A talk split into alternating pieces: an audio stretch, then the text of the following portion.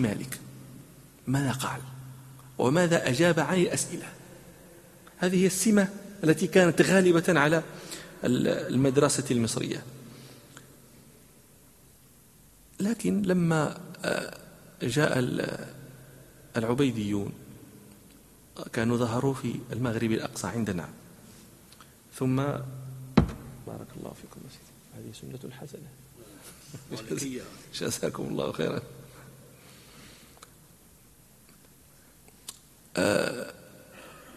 لما ظهروا كانوا ظهروا في المغرب المغرب ثم نزحوا منه لم يطل مقامهم عندنا نزحوا إلى إفريقيا إلى تونس إلى القيروان وإلى رقادة وهناك ابتلي بهم المالكية لأن هذه البلاد كلها في ذلك الوقت مالكية.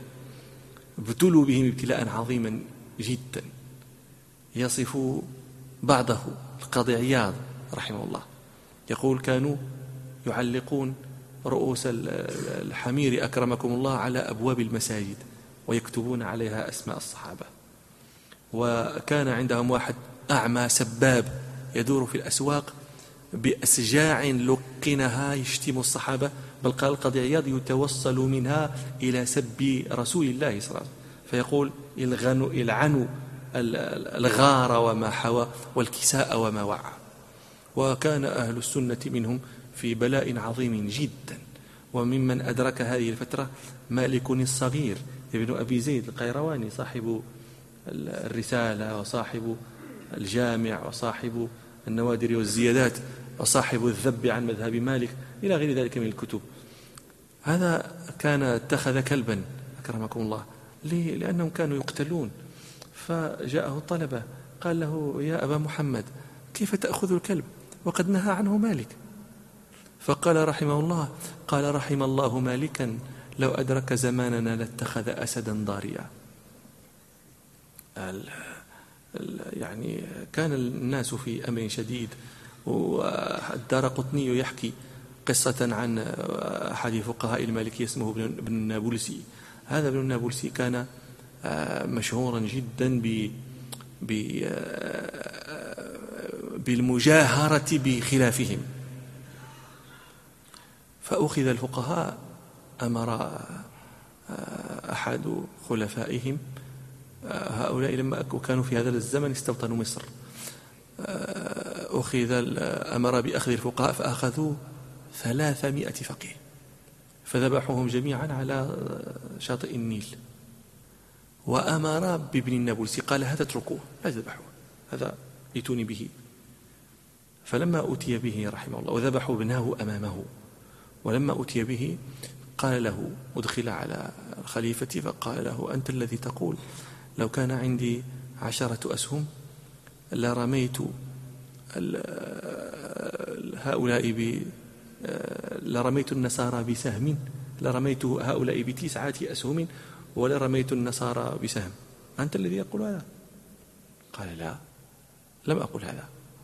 قال فما الذي قلته؟ قال قلت لو كان عندي عشرة أسهم لرميت تسعة في فيكم ولزدت العاشر فيكم لأنكم غيرتم الملة وقتلتم الصالحين. فأمر به أمر بأن يسلخ. وهو حي. فبدأ السلاخ يسلخه من رأسه. سلخ الوجه وسلخ العنق إلى أن وصل الصدر فرحمه السلاخ فغرز السكين في قلبه ليقتله. رحمة له من ذلك السلخ الذي لا لا يقضي عليه ويعذبه. كان وهو في كل ذلك يقول كان ذلك في الكتاب مسطورا.